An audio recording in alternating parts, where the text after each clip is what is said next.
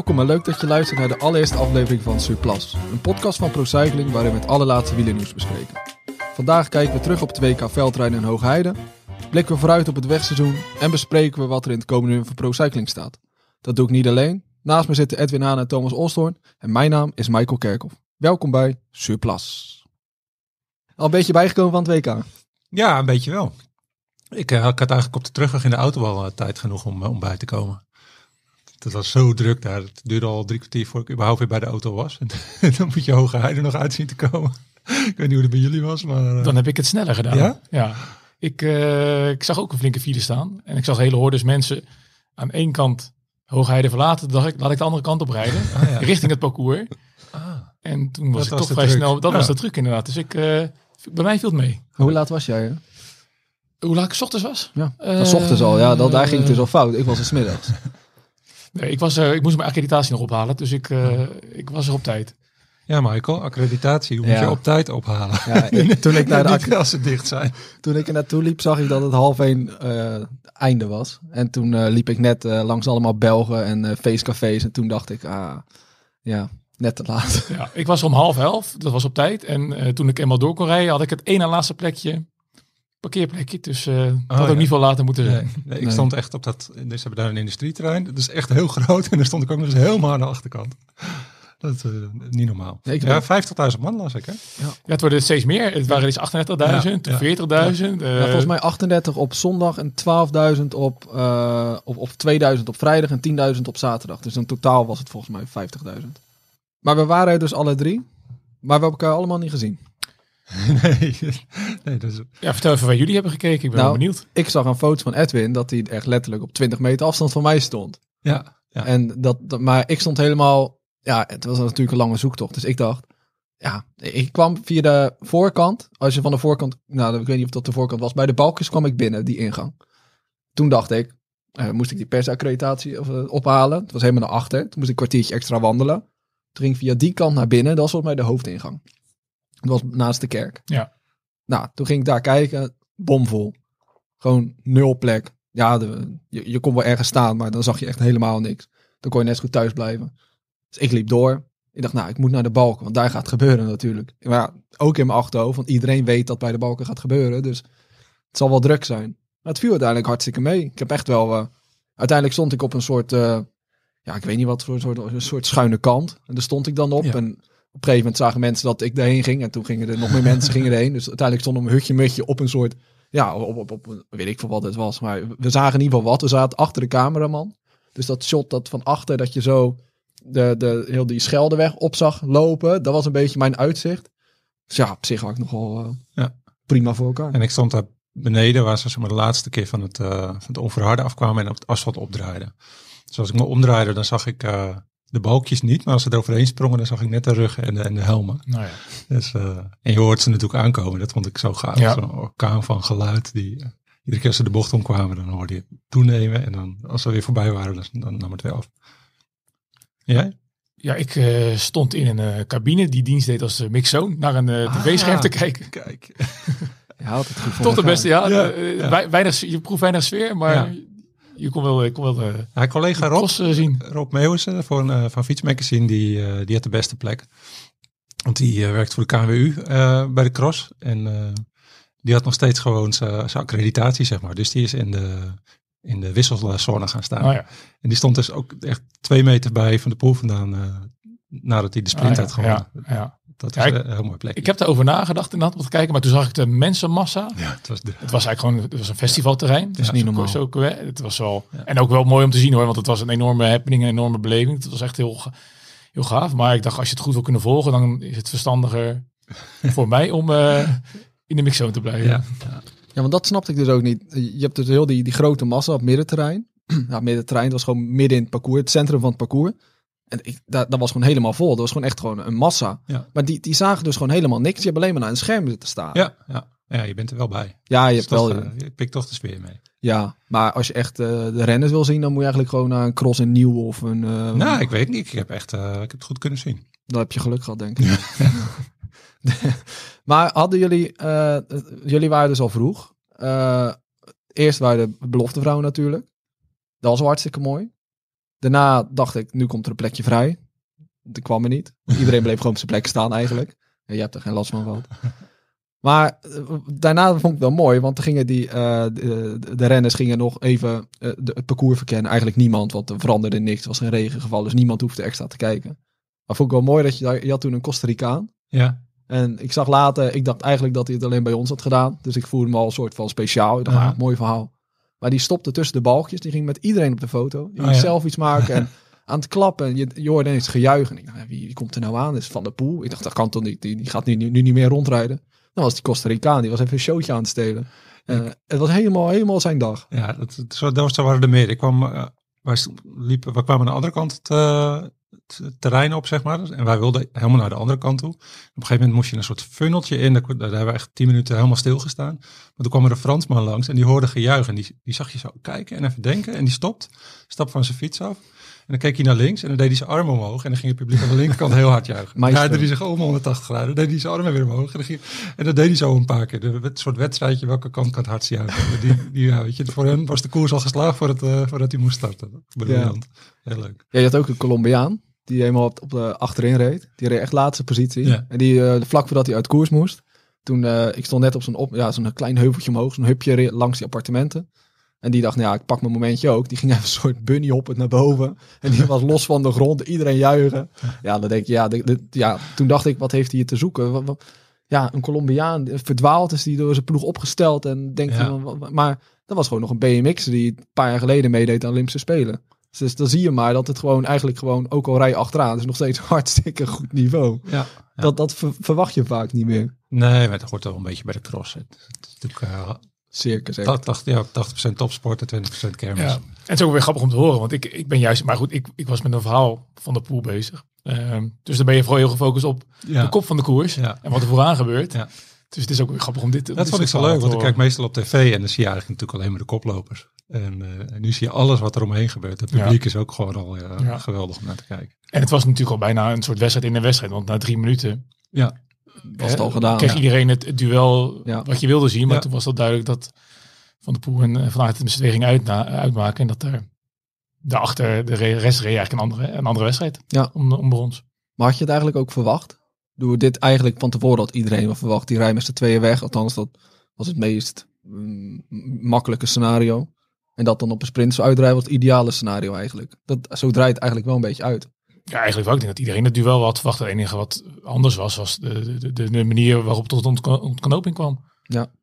ja. Iedereen dacht vooraf, hè, de, de, de, de, balkjes. de balkjesgate. Ja, ja. Er werd natuurlijk een heel groot ding gemaakt in, Ja. de, in, de, in de Belgische media. Ja. Ehm, waarbij Van Aert, dat moet ook, ook gezegd worden, Van Aert die, die, eh, die drukt dat meteen de, de kop in, hè, door aan te geven van, eh Ja. nou, hè, dit ligt op een veilige plek, dit is een betere plek dan voorheen. Dus dat was heel goed, dat was, dat was, dat was, dat was klasse van hem dat hij dat deed.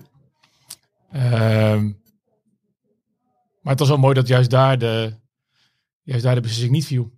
Nee, en ik vond ook wel mooi dat, eh, dat, dat, dat Adrie van der Poel daarna ook zei. Van, ik was wel heel blij dat hij dat eigenlijk zei. Ja. Want daardoor was gelijk heel de discussie klaar. Je hoorde er niks meer over. En eh, elke keer, ik stond bij de balk en elke keer dacht je van, ah, hij- Van der Poel was wel beter. Je zag het makkelijk, hij had daarna een voorsprongetje. Maar de allerlaatste, of twee ronden ervoor al, toen, toen zag ik voor het eerst dat hij het niet meer deed. Dat hij niet meer doortrok. Dat was het volgens mij één of twee ronden ervoor.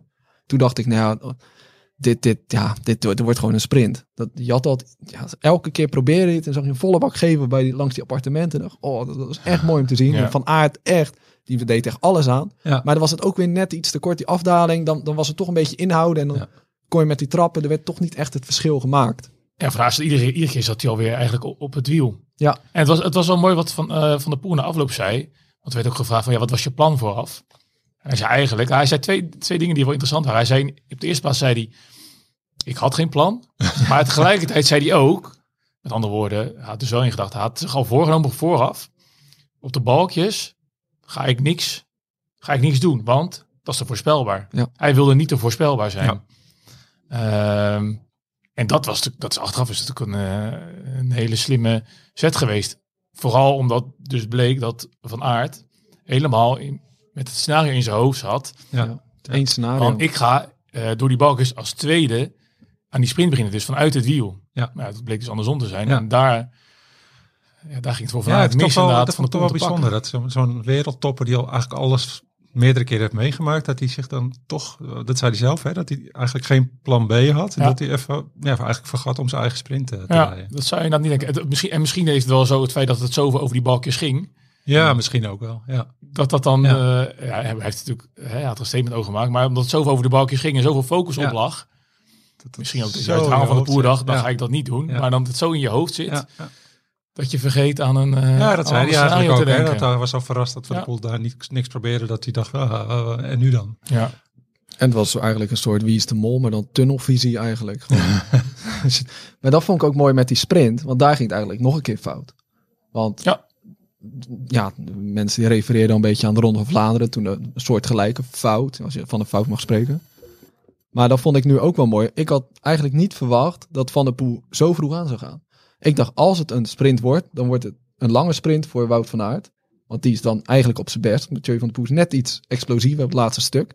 Dus ik dacht, Wout van Aert gaat hem aan. Dat had ik ook in mijn hoofd. Nou ja, hij begon wel op kop, maar hij ging hem niet aan.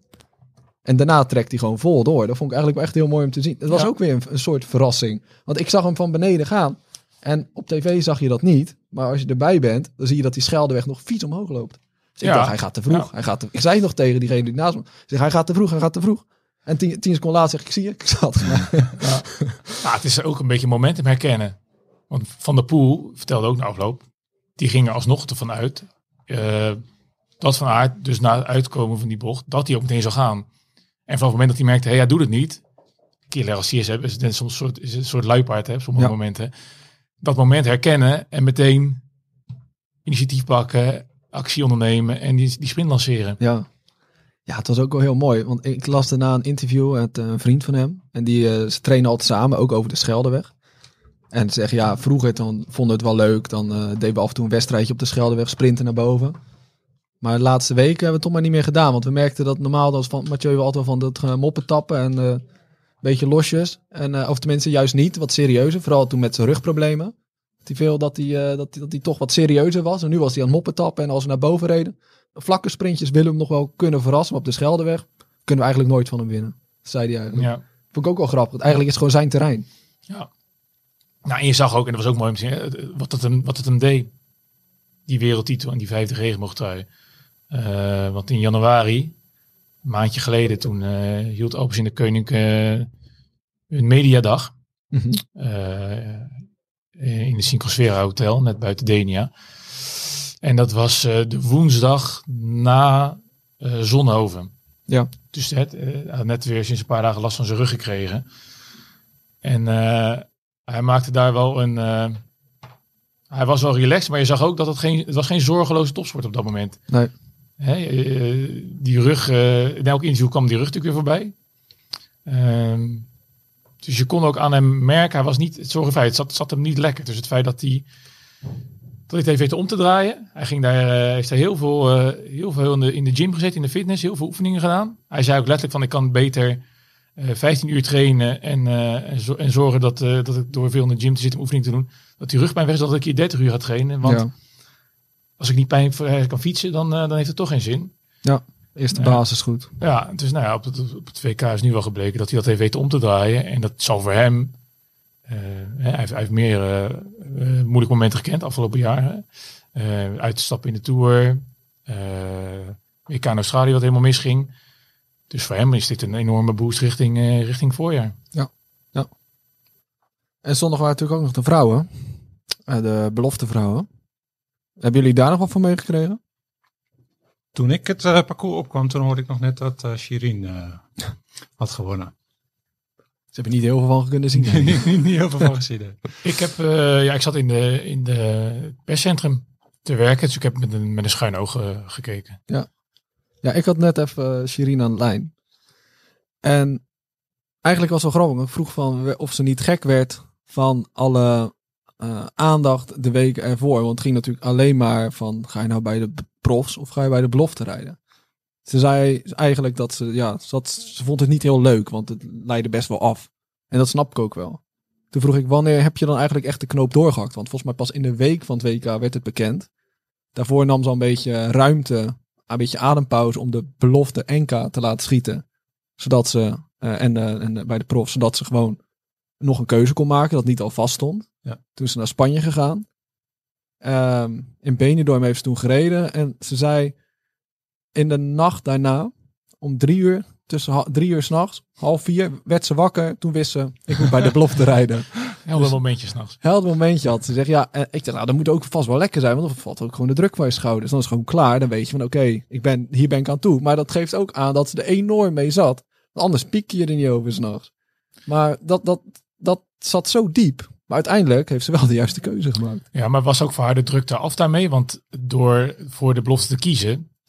Dus ze start natuurlijk ook als, als grote favoriete. Dat was bij de elite was dat anders geweest. Maar hoe, Ja. hoe heeft ze dat ervaren?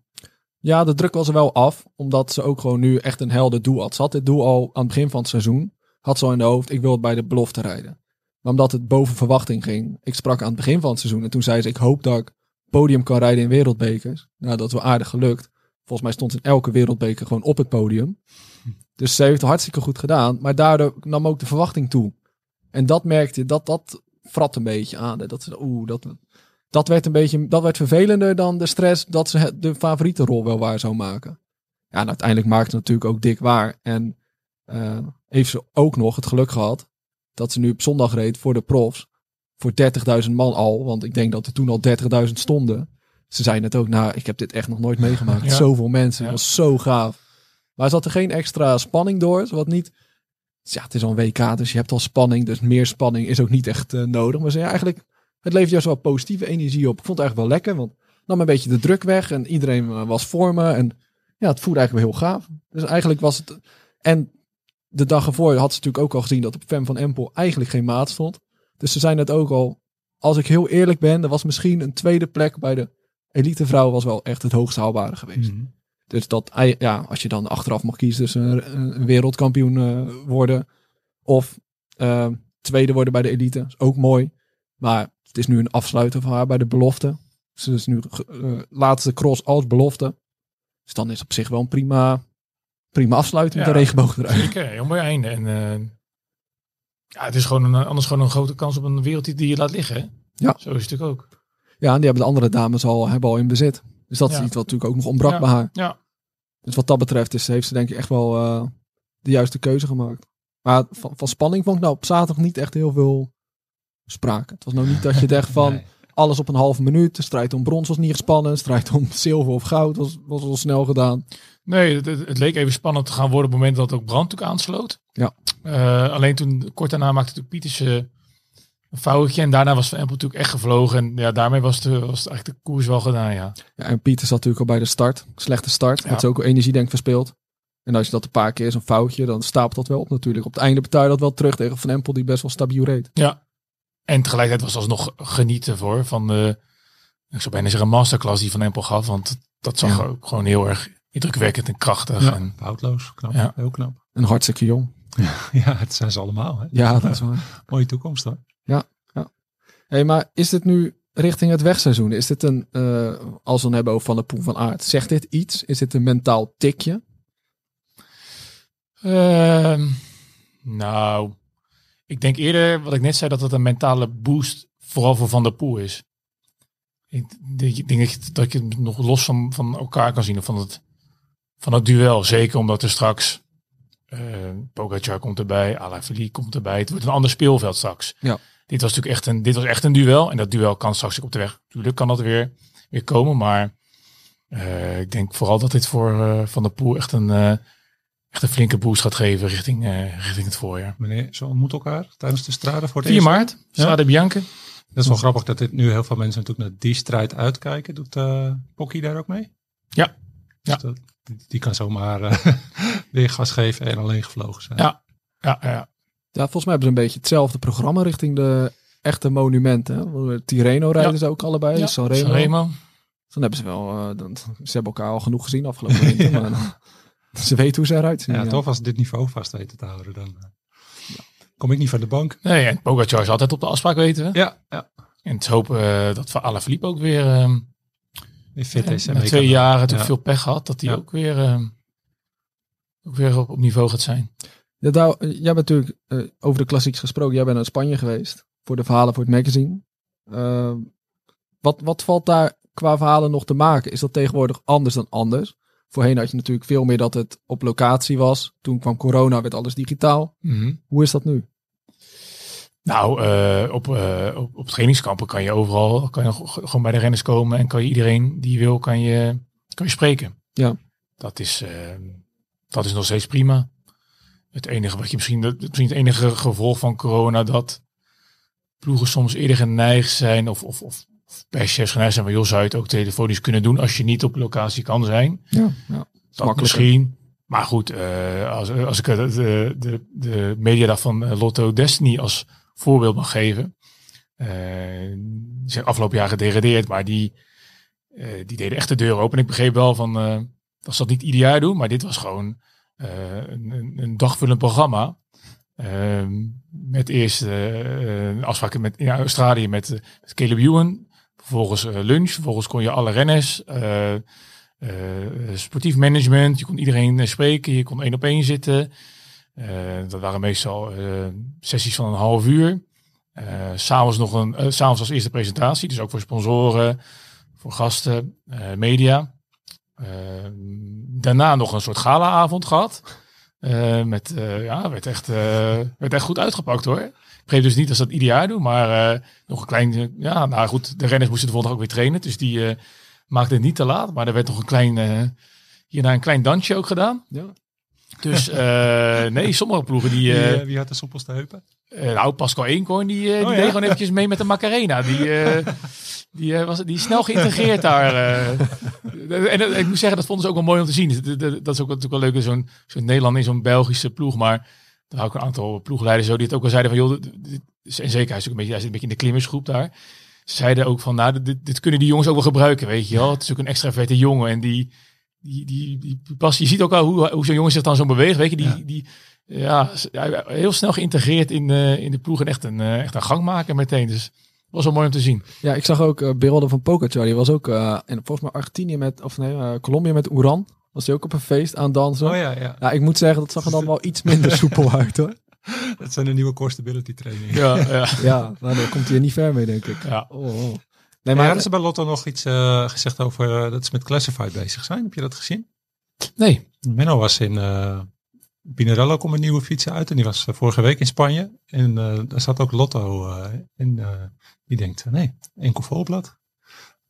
ja, een fiets met Classified achterna. Dus ik ben benieuwd of ze daar in de koers mee gaan rijden. Oké, okay, nee, heeft daar niet in sprake genomen. Nee. Ja, we gaan het meemaken. Ja, want dan hebben we natuurlijk ook nog uh, sowieso die trainingskampen. Want wat je net zegt, dat het feesten gebeurt meestal in december. Dat zijn meestal de kennismakingsdingen, de, wereldse verhalen komen natuurlijk uh, naar voren. Maar ik heb ook het gevoel dat ze steeds vaak uh, weg zijn. De renners gaan op eigen initiatief gaan naar Spanje. Als je ze in december of januari spreekt. Nou, eigenlijk kan je er gewoon een tientje op inzetten. Ze zitten in Spanje. Heb je ook het idee dat er steeds vaker, steeds meer... Ja, en het wisselt een beetje per, per team. Hè. Sommige ploegen die doen een decemberkamp en een januari kamp. De meeste. Zijn ook een aantal teams die, um, die alleen voor januari kamp kiezen. Het kan ook soms een financiële afweging zijn. Uh, maar je hebt ook genoeg renners die inderdaad gewoon of... Uh, ja, maar dat heeft vooral met het weer natuurlijk te maken. Hè. Ja. Het is natuurlijk gewoon uh, in goede omstandigheden kunnen, kunnen trainen. Ja. Kees Bol zat, dat was, die was toch met zijn transfer bezig naar Astana. Tenminste, die was al beklonken eind december. Uh, alleen dat was nog niet met de, met de buitenwereld gecommuniceerd. Nee. Dat, dat bewaren ze bij Astana tot, uh, tot het moment dat hun tweede trainingskamp begon. Tot iedereen het weet. Uh. Ja, tot, tot begin januari. Dan maken zij het bekend. Ja, precies. Uh, alleen die zat toen ook al een week in, in Spanje. Maar ook gewoon puur om het weer te ontvluchten. En gewoon in goede omstandigheden te kunnen trainen. En ik heb daar, ik heb daar ook nog, goed zeggen, ik heb daar op een zondagochtend nog een, uh, zelf even een fietsruut en een ritje gemaakt. En ja, dan kom je zoveel teams en renners tegen. Uno X, Jaco Lula. Ja. Ik ben de Colderattis op gefietst. Ja, uh, of je nou ja. welke kant die opging, maakt niet uit. Je kan alles tegen. Alles tegen. En nog even in het wiel gaan zitten?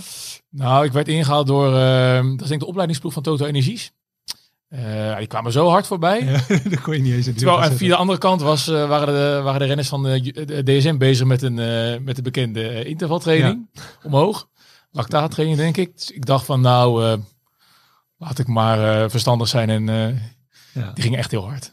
Moet je ook niet willen, denk ik. Beide voetjes op de grond. Ja. Ja, die renners vinden het zelf ook niet zo cool. Hè? We de laatste Nee. filmpje van Evenepoel die, Ja. eh, die iemand eh, gebaarde van joh, hou een beetje afstand. En vorige week waren we bij eh Elle van Dijk. Voor eh Fietsmagazine maken we ook een podcast. En dan mochten we bij Elle la- thuis langskomen. Dus toen vroeg ik haar van, train je nou veel in je wereldkampioentrui? Nou, dat, deed ze natuurlijk wel, ze- op de tijdrit fietsen dan. Dus toen zei ik, ga er dan wel eens mensen in je wiel zitten? En wat vind je daarvan? En ze zei, ja, ik vind het zo raar. Je gaat toch, als je door de winkelstraat loopt, ga je toch ook niet zo een stap achter iemand in zijn nek lopen hijgen? Weet je? Dus zei, ik vind het heel leuk als mensen het vragen hoor. Mag ik een stukje achter je rijden? Helemaal prima. Maar gewoon ongevraagd Ja. bij zo'n prof in het wiel gaan zitten. En eh, ja, die zijn gewoon normaal aan het trainen. En voor ons is dat dan meestal eh, maximaal eh, keihard hijgen. Ja, ik snap dat dat heel irritant is. En ze doen het ook niet eh, eh, vijf minuten. Het is gewoon ook gelijk zo lang mogelijk blijven plakken. blijf En dan plakken, ophangen. heb je later een goed verhaal Ja, natuurlijk. En Ja. zo'n prof kan niet zeggen van, eh, die is met een training bezig. Die kan niet zeggen, ik ga even versnellen, dan ben ik je kwijt of zo. Ja. En dat is het een beetje. hè. Het is, het, het is waarschijnlijk de ach- achteraf tegen je fiets eh Ja. een aantal leuk verhaal kunnen vertellen. Terwijl je ook zou denken, ik zou me een beetje bezwaard voelen misschien. Hè? Ja, ik zou het Als je dat eh, gaat ja, doen. Ik zou dat niet zomaar doen inderdaad. Ik zou gewoon zeggen, joh, ik heb, eh, ik heb even een pool gezien. Hij ging me heel hard voorbij. ja precies. Ja, vorige week belde ik even met Koen de Kort. En die eh, zei er het volgende over. Ja, ik denk wel. Ik denk dat heel veel renners zich wel bewust van zijn dat het heel belangrijk is om echt specifiek voor te bereiden. En ja, daar hoort ook eh, de, de ideale omstandigheden bij. En dat, is onder andere het weer, maar ook ja, de wegen, eh, de heuvels. En eh, ik denk als je dan eh, op trainingskamp gaat eh, naar Spanje, inderdaad, dat je daar ook echt kunt creëren dat je de ideale omstandigheden hebt. En dat je dus ook echt geen minuut van je training hoeft te missen. Nee. Dus meer dat je dan echt helemaal kunt richten op het wielrennen en niet op de randzaken.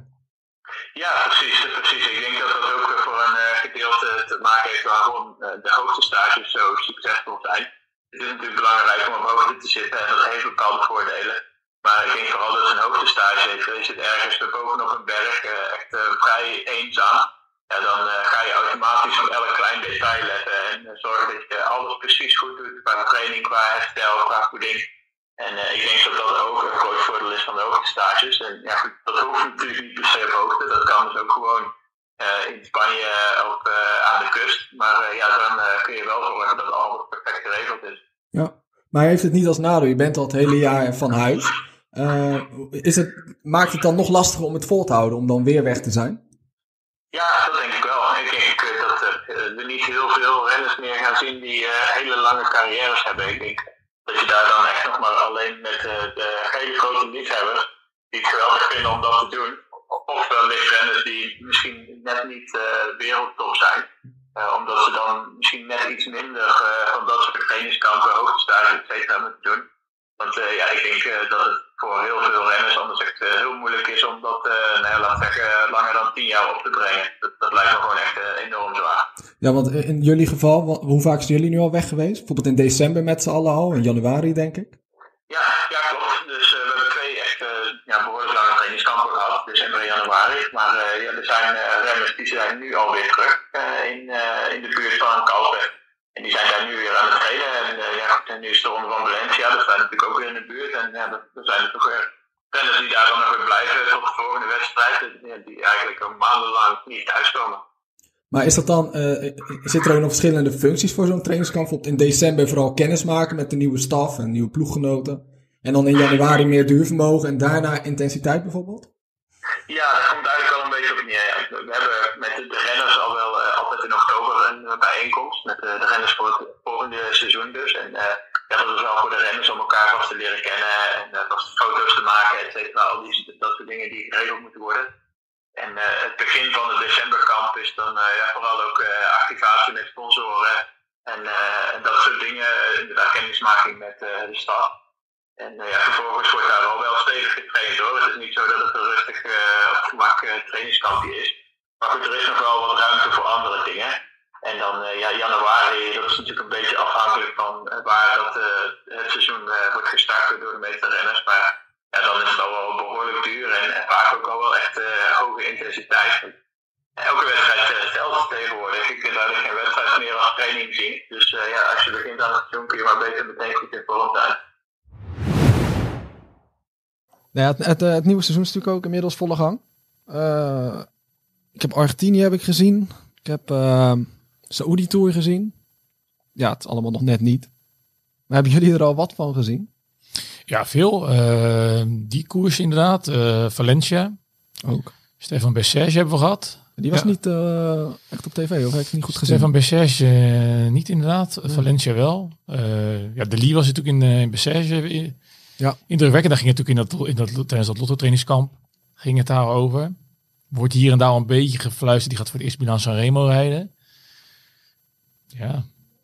Is, Zou je er eh, een paar euro op durven inzetten? Ja, nou, dat, nou ja, als je een paar euro wil inzetten en je wil voor een outsider gaan, Ja. dan zou ik het... Natuurlijk moet zo'n jongen de, de Cypress en de Poggio overleven, maar als je ziet hoe die in uh, Mats Pedersen klopt en dan is een- zo'n ritje in Sterven Mercedes is echt nog heel, iets anders dan Milan Sanremo, dat weten we allemaal. Ja. Maar Hij kan het wel aan. ja, af en nou van de potentie, eh, lukt het niet bij de eerste keer, dan, gaat dan gaat sowieso in de komende jaren een moment komen dat, het, dat hij daar sowieso wel overheen gaat komen. Ja. Die potentie heeft hij zeker. Ik vind het ook altijd wel mooi, want Milan Sanremo is voor de kijker natuurlijk niet echt heel spannend. Maar als je renners spreekt, iedereen zegt, ja, welke koers wil je nog een keer rijden? En Milan Sanremo. Ja. Ik van, ja, wat, wat is er nou leuk aan 300 kilometer? En dan, ja, 270 kilometer gebeurt er op papier niet Niks. veel. Nee, een beetje, een beetje kletsen. Ja, en dan gebeurt het. En dat vinden ze toch wel Ja. echt heel mooi. Ja, ik vind dat ook wel. Ja? Ik hou van koers met een heel uniek karakter. Ja, dat is het Kijk, wel, Strade ja. Bianca is ook heel mooi. Ja. Ook, ook, maar ook vanwege het hele unieke karakter met het eh, landschap, de grindwegen. En Sanremo is heel lang wachten, maar dan is het ook meteen een enorme Ja, explosie en vuurwerk. En dat is maar heel kort, maar juist de opmaat er naartoe, Ja, met ja. dan die explosie, dat... eh, ja, ik hou daar wel van. Vooraf al een beetje kan eh, verheugen op die afdaling. Ja, Oh. Oh, dan gaan ze weer. Ja, met Zit, Mohoric zit ik of, met eh, samengeknepen billen op de bank. Oh. Dat jongen, of Nibali die toen ook echt langs die muurtjes. Ja, oh, ja. dat echt niet. Oh. Ja, kijken En- of ze dit jaar meer met de dropperposter rijden. Ben ik Ja. benieuwd naar. En wat je sinds vorig jaar weet, ik bedoel, eh, eh, Pogacar en eh, UAE hebben natuurlijk vorig jaar de toon gezet door gewoon op de Cipressa Ja, vroeg beginnen. vroeg te beginnen. Ja. Dus ik kan me niet voorstellen dat dat niet weer gaat Nee. gebeuren. Ja, of ze moeten net als Van de Poel weer eh, met allerlei eh, trucjes uit de hoogte komen. Maar eh, de niet-sprinters, of de puncheurs, die hebben er natuurlijk baat bij om, eh, om de sprinters te lossen. Ja. Tegelijkertijd hopen de sprinters, dat is leuk, de, de echte pure sprinters die je over Sanremo spreekt. Dus eh, Fabio Jacobsen, dat soort jongens, die dromen ook nog steeds van Sanremo. Alleen die hoopt natuurlijk heel erg op slecht weer of koude omstandigheden en vooral tegenwind. Dus dat is ook een koers waarbij ook toch het weer ook een beetje zijn invloed Ja. kan hebben. En als sprint is Sanremo natuurlijk het enige monument ja, waar je kans op maakt. Ja, zoals Caleb Ewan ook zei, eh, die heeft ook maar vijf klassiekers gereden, die vijf keer Sanremo ge- gereden, dat is het enige. Ja. Hij zegt, ik wil, ik wil heel graag ooit een monument op mijn palmarès Ja. hebben. En er is maar één kans, en dat is Sanremo. En dat is, zoeken, ja. Want ik vroeg hem, wat is de charme? Hij zegt, dat is, dat eigenlijk, dat is de charme. Het is niet eens zozeer de charme van de koers. Het is gewoon het feit, dat is mijn enige kans. Ja. Ja, ja. En daar hebben we ook voor gaan. Ja. ja, je had net over UAE. Ik zat eh, eh, naar Down Under te kijken. En ik, die Jay Vine, dit vond ik wel echt... Als ik dan een opvallende renner moet noemen... dan denk ik, nou, die Jay Vine die gaat dus dadelijk de Giro rijden. Naast Almeida. Ik denk dat Almeida niet zo blij is. Dat denk ik ook niet, nee. Ik denk dat hij in de pickorde wel weer iets is gestegen inmiddels. Ja, en misschien nog, en dan niet eens zozeer, eh, misschien door zijn, nou, uiteraard ook door zijn eindzege in de Tour Down Under. Maar wat ook heel opvallend was, is dat hij Australisch kampioen tijdrijder werd. Ja, ook nog. Wetende dat er in de Giro drie tijdritten zitten. Met een totaal, eh, ik geloof dat het richting de 70 of over de 70 kilometer zelfs gaat. Ja. Nou ja, gezien de manier waarop hij klimt. En als hij ook echt die tijdrit, eh als hij weet doortrekken of daar dusdanig in verbeterd is. Dan kan die een hele interessante rol gaan spelen in die Ja. Giro naast uh, Roglic en Evenepoel. Hij is ooit begonnen op Swift, hè? Hij is net wat- bij Alps in vrienden toen een contract. En ik sprak vanmorgen ook Loes Aardegeest. En die is ook ooit via Swift. Tenminste, die heeft eh, de wattagegevens had ze online gegooid. Ja. Want eh, daar maakte de indruk mee. Die won in Down Under in de Carol Evans Great Ocean Road Ja, Race. ja. Won ze. Maar die rijdt ze over tien dagen. Of ja, weet ik, over een week. Rijdt ze de, het WK Zwift nog eventjes tussendoor. Dus die is al het wegseizoen Dit begonnen. jaar doet ze gewoon nog Ja, mee, ze, ja? oh, ze doet Oh, volgende week grappig. mee. Dus die, die, maar dat zie ik Jay Vine niet snel eh, nog eh, weer teruggaan. Die heeft nu zijn plekje. Dat, gevonden. is echt, dat had ik niet verwacht. Als je eenmaal een profcontract hebt, dat je dan nog eh Ja. Daaraan meedoet. Het ja, is- en als je in Australië een bent geweest, is het mooi weer. ja. Dan eh, ga je niet meer terug naar eh, die bunker, toch? Denk ik. Nee, maar misschien is het toch een klein beetje een nieuwe trend. Want bij eh, UAE hebben ze ook die Michael Vink in Nieuw-Zeeland. Is ook, Ja. via, Ook. ook via een platform hebben ze die eh, op de radar gekregen. Dus Ja. Toch een nieuwe Ja, markt die grappig. eh, Ja. aangeboord wordt. Maar wie is jou opgevallen? Van de, eh, gewoon de, de Ja, gewoon eerste voor koersen? eerste koersen. eh Rui Costa bijvoorbeeld. Nou, Intermarché. Eh ik las van mij ergens dat ze wel hebben getwijfeld om hem aan te trekken. ja, snap Eh, maar goed, dan zullen ze, die heeft binnen twee maanden of binnen een paar weken heeft hij die keuze natuurlijk al eh, gerechtvaardigd. Ja, die is ook 38 of zo, denk ik. Ja, maar ik vind dan wel mooi om te zien dat zo'n renner die is dan wereldkampioen geworden, eh, rit in de Tour gewonnen, nou ja, wat ouder geworden, bij de Emiraten gaan fietsen en meer in een dienende rol. En toch wel Ja. mooi om te zien dat zo'n renner, hè, de winnaar die erin zit, dat dat nog altijd dat niet verdwijnt. Nee. Dus op het moment dat hij vrijheid krijgt en zich blijkbaar prettig voelt in een nieuwe omgeving en eh, de mogelijkheid krijgt om weer voor eigen kansen te rijden, dat dat nog steeds erin zit. Ja. Die killer en eh, de afgelopen dagen, ik heb de, de, die eh, koers in Valencia, waar overigens Tijmen Arendsman ook erg, erg goed al reed. Voor Die werd geklopt, hè? Ja, maar hij, wel, hij werd wel geklopt nadat hij vanaf de, de laatste klim op kop had lopen, sleuren om de kopgroep ja. vooruit te krijgen. Vervolgens wegreed op drie kilometer. Voorbij werd gereden door Costa. Ja, Nou, toen moest hij echt eh, alles uit de kast halen, maar reed alsnog een keer naar zijn wiel. Ja.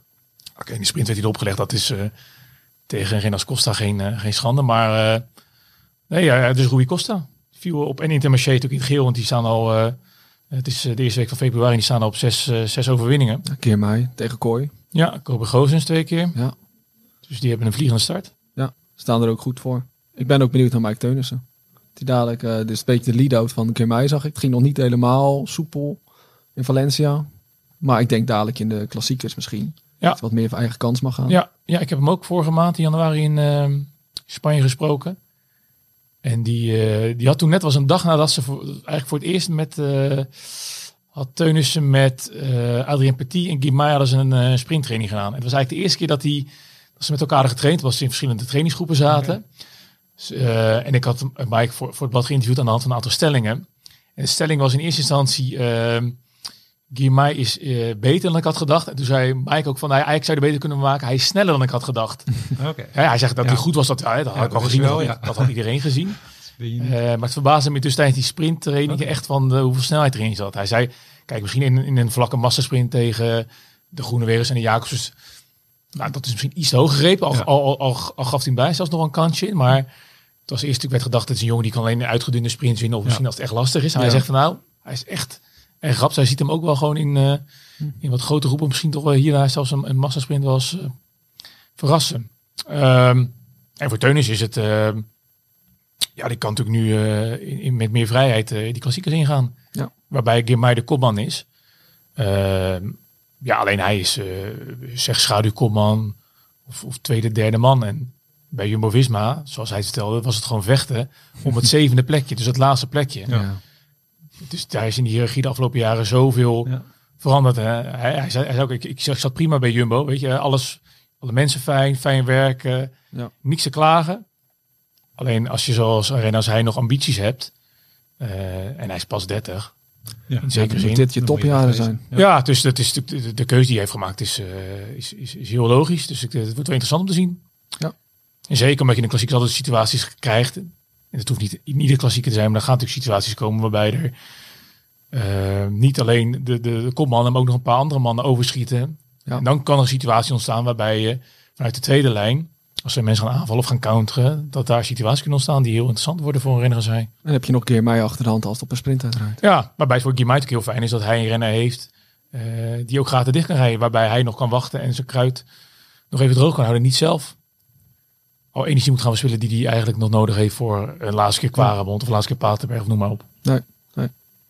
Is jou nog iemand opgevallen? Nou, ik zat een beetje op Arendsman te letten. Dus die, die noemde Thomas net al. Ik, ik ben echt super benieuwd hoe die, eh, hoe die dit jaar gaat doen. Natuurlijk een mega talent. En eh, Ja. ja, het, het ziet er nu al goed uit. Dus ik ben, Ja. ben heel benieuwd. Ik heb hem in december ook al even eh, ook gesproken. En eh, ja, wat hij vooral heel fijn vond, dat is dat Dario Sanders, zijn trainer van DSM, is meegegaan naar Ineos. En dat vond hij vooral heel fijn, omdat hij eigenlijk zei van, nou ja, we hebben eigenlijk nu het afgelopen jaar bij DSM, eh, DSM hadden ze eigenlijk een beetje uitgevonden wat voor hem nou goed werkte. Eh, gewoon op alle manieren met trainen, gewoon Ja. wat, wat gewoon bij hem het beste past.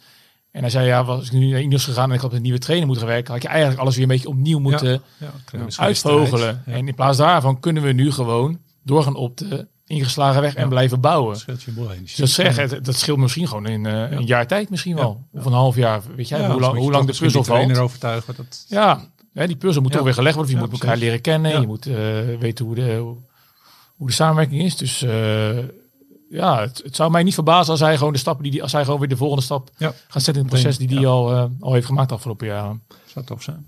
Ja, wat mij viel ook op dat hij is natuurlijk van DSM overgekomen. En meestal eh, als DSM mensen kwijtraakt, dan vinden ze altijd wel weer iemand. Dan staat er altijd wel bijna weer iemand op. Afgelopen jaren wat mager. Maar ik appte je al gelijk van, eh, ik, ik zit naar, ik, ik zat al die, ja, ik zit alles te kijken. Ik zat San Juan, zag die Welsford volgens mij. Ja. Daarna zat ik, eh, de, goed wel voor Saudi Tour, was met eh, Casper van Uden. Ja, die, die sprinten dan weer niet mee om de, om, om de winst. Die kwam echt wel tekort. Maar ik zag die sprinttrein. Ik dacht, nou, dit, ik, ik vond echt... Ook nog Carol Evans, had je die Meijerhofer. Ja. Ik dacht, nou, dit, die hebben echt de afgelopen winter gewerkt aan die sprinttrein. Want die kwam precies op de juiste momenten kwam die naar voren. Ik dacht, nou, dat... dat ik, ja, soms valt het gewoon op dat je denkt, nou, die hebben hier Ja, echt aan ja, moeten er werken. Ik denk echt dat, dat dat viel mij dan ook weer op. Dat ik denk van, nou, ja, ik weet niet. Dat is gewoon, eh, ze zijn nog niet de grote koersen. Maar het begin is er. Ja, en ze zijn natuurlijk groot geworden in de sprint ooit. Ja, Met, met terug Kittel naar de roots Ja, eigenlijk. precies. Ja, de- dus de kennis en eh, dat zit er allemaal. Want dan hebben, als we het dan trouwens toch over de sprint hebben, dan heb ik ook Kees Bol gezien. En dan vind ik dat wel grappig om te zien in de Saudi Tour, dat hij dan de, eh, die, die, natuurlijk bij Astana nu, die moet dadelijk in de Tour de sprinter trekken voor Cavendish. Naar zo'n historische overwinning eh, loodsen. Ja, ze- Geloven jullie daarin? Nou ja, nou, waar, ja, twee jaar geleden geloofde ik er ook niet in. Bij, Kev- bij Kevin moet je, eh, is niks Nee. Nee, onmogelijk. zo zit ik er ook in. Nee, zeker zou- niet. Het zou zou mij helemaal niet verbazen. Ik zou het ook echt niet weten. Maar toen ik hem zo bezig zag, dacht ik, dat is nou echt, echt een goede lead-out. Ik had hem in de zesdaagse Rotterdam gezien. Nou, er zit natuurlijk een enorme motor in. Maar toen zag ik hem die lead-out. En tegen de groene wegens komt hij echt qua explosiviteit tekort. Maar een lange sprint, hij, houdt, hij kan wel zijn wagonnetje aanhaken. Ja. Ja. En ik denk dat dat ideaal is. Ook met, hij krijgt ook heus wel zijn kansen. Want als het dadelijk iets heuvel op gaat, dan is Kevin is eraf. En dan zou Kees Bol heus wel eigen kansen kunnen rijden. Ja. Daar ben ik echt van overtuigd. Maar ik dacht, als, als Kevin is een lead-out man moet hebben, zou ik bijna denken dat, eh, dat, dat, dat Kees Bol echt Ja. de ideale man is. Gaan ze samen naar Oman eigenlijk? Eh, Kevin nee, nee, nee, nee. Ze gaan wel UAE, UAE Tour samen doen.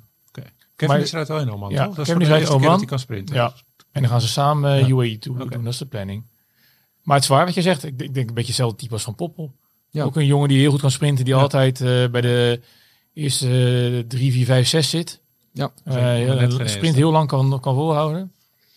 Het is wel een beetje zonde. Want je hebt natuurlijk ook Bram Welten. Dat is een sprinter die, eh, die, die voor de ere plaatsen. Maar die, gaat, die is ook nog maar 5 of 26 volgens mij. En die gaat nu ook volledig in dienst van Arno Demar. Het is toch wel een beetje jammer dat dan Danny van Poppel, Bram Welten, Kees Bol. Dat zijn toch sprinters. Ja, het zijn geen Groenewegen en Jacobsen. Dat is toch wel jammer dat ze dan ook wel eerlijk en zelfreflectie. Dat ze zien van nou, voor de explosiviteit kom ik tekort om te Ja. winnen. Maar dat ze dan net dat de sprint aan gaan trekken. Ja, nou, eh, eh, ik, ik heb Van Poppel staat ook in, het, eh, in, in onze seizoen een klassieke rits die, eh, die binnenkort in de winkel Ja, ligt. Vertel Ehm, even gelijk. ja, dat is eh, Ke- Ke- eh, 23 februari. Kunnen we al bestellen? Altijd. Oké, mooi. Maar eh, Kees Bol staat erin, Danny van Poppel staat erin. eh, Kees Bol en Ramos Sinkeldam trouwens. Hè, die hebben natuurlijk allebei een bewogen winter meegemaakt. Die zouden eigenlijk eh, naar BNB gaan. Werkloos. Ja, en dat, niet. dat liep eh, totaal anders. Allebei, eh zeker zijn allebei lead-out man geworden. Hè? Eh, Sinkeldam, tenminste, ze, zijn- ze zijn het allebei, maar allebei bij een topsprinter terechtgekomen. Eh, om daar trouwens, wat jij net zei, ook meteen op in te haken. Kijk, het- en dat geeft, gaf Van Poppel ook aan. Die heeft natuurlijk jarenlang geprobeerd. Want die wilde net als zijn vader rit in de Tour winnen. Ja, en ja. iedereen verwachtte dat ook van hem. ja, zo gaat het. Eh, Maar maar de goed, allereerste etappe werd hij volgens mij ook derde. werd hij derde inderdaad, op Corsica. Toen was hij 18 of Ja. 19. Ja, hij zei eigenlijk heeft dat natuurlijk ook wel, dat was hartstikke mooi, maar dat heeft hem natuurlijk ook in zekere Ja. zin achtervolgd Ja. in de jaren daarna. Ja. Eh, en als je hem nu spreekt, dan die jongen is echt bevrijd door Ja. de keuze die hij heeft gemaakt. En eh, hij heeft natuurlijk af en toe zijn wedstrijdjes gewonnen, maar de druk om te moeten winnen, voor ook vanuit zichzelf vooral vertelde hij.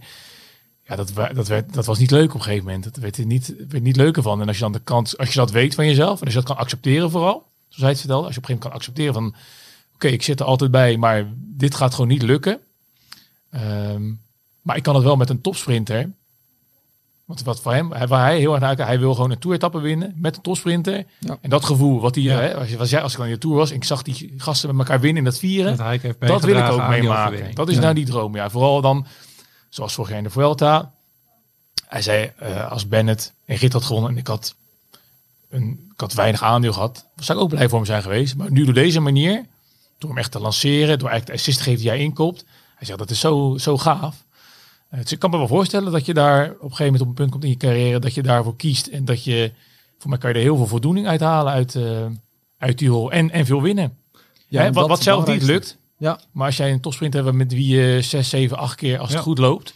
Als je daarmee kan winnen, dan heb je een, een, een topjaar en gewoon een, kan je heel, hele mooie jaren van je carrière nog tegemoet gaan. Ja, maar dat vind ik wel mooi wat je zegt. Want dat zei Bram Welte ook. Hij zei, ja, als ik nu door blijf sprinten, dan pak ik ereplaatsen. En dat is hartstikke leuk. Maar hij zei, ja, dat telt gewoon niet.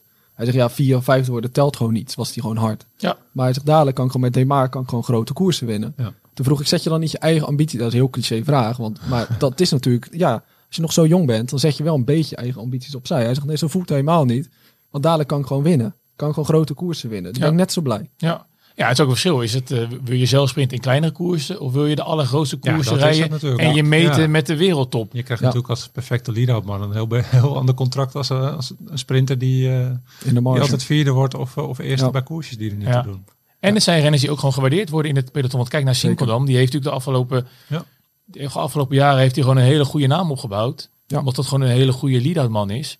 En ehm, is toen hij toen die vrij kwam, tenminste hij was nog niet eens vrij, tenminste het- vo- voordat BNB klapte, ehm, kreeg hij een belletje van eh Philip Roodhoofd van Alpes in de Koning. eh, met een voorstel om hun te komen rijden. Maar hij zei ook uit het voorstel wat ik kreeg, daar sprak al zoveel waardering uit. Ja. Dus hij, hè, hij is gewoon als renner, als lead man, is hij Heel gewaardeerd ja. voor wat hij heeft gepresteerd, hè, voor de carrière die hij heeft opgebouwd. En Ja. die waardering die komt dan ook weer terug in een, in een contract. Ja, ja. Hey, en tot slot, eh, wat, wat staat er nog meer in? Eh, ja, veel. Dus de, de, namen die ik noemde. eh, grote reportage met Mathieu van der Poel. En het verhaal, wat toch ook wel heel speciaal is, is het verhaal over de comeback van eh, Egan Bernal. Eh, sportzaak, commentator en van, eh, verslaggever eh, Renaat Schotten. Tevens columnist en, en medewerker van ons eh, magazine. Die is in de ronde van eh, San Juan geweest. Waar Bernal eh, zijn eerste koerskilometers reed. En eh, die heeft zowel eh Bernal gesproken als eh, zijn, eh, zijn mentor eh Artetje, als ik het goed uitspreek. Ehm, ja, en die hebben eigenlijk het hele afgelopen jaar eh, gereconstrueerd. Eh, vertelt ook over het ongeluk. Artetje was ter plekke op het moment dat Bernal met de ambulance eh, in het ziekenhuis arriveerde. Dus die heeft alles meegemaakt. Alle, alle verschrikkingen en alle eh, de kritieke momenten. Er is een periode geweest van ongeveer 12 uur dat hij echt tussen eh, leven en dood zweefde. Ehm, nou ja, vervolgens is hij eh, ja, wonderwel eh opgekrabbeld.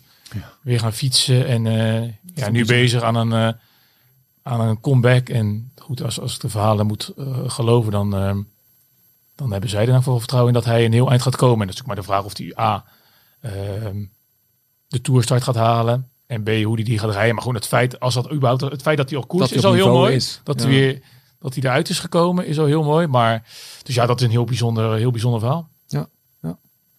Nou, dat was het wel, denk ik. Hè? Ja? Voor vandaag. Voor een eerste, eerste aflevering. Ja, volgende keer eh, wat verder. Dan zitten we een beetje midden in de klassiekers, denk ik. Dan Hoe gaan we een dit beetje, eh, aanpakken? Wanneer spreken wij elkaar weer? eh, na Strade Bianchi, voor Strade Bianchi. Nou, ik ben, eh ik staat voor mij op de planning om die kant op te gaan. Dus misschien is het dan handig om het daarna te doen. We kunnen ook inbellen. Dat kan ook. We kunnen de luisteraars niet teleurstellen. Alles kan. eh. Ja, te voor daarna, allebei. Maar goed, voor Gewoon nu. even abonneren hè, op de, op de Procycling Ja. ja. Surplus podcast. En dan krijg je zelf een seintje als de nieuwe klaar staat. Ja, ja. Nou, dan hoef ik het ook niet meer te zeggen. Oh. Mooie, de outro Ja, heb je nu sorry. mooi gedaan. Ja. Dus bedankt voor het luisteren en eh, tot de volgende Surplus.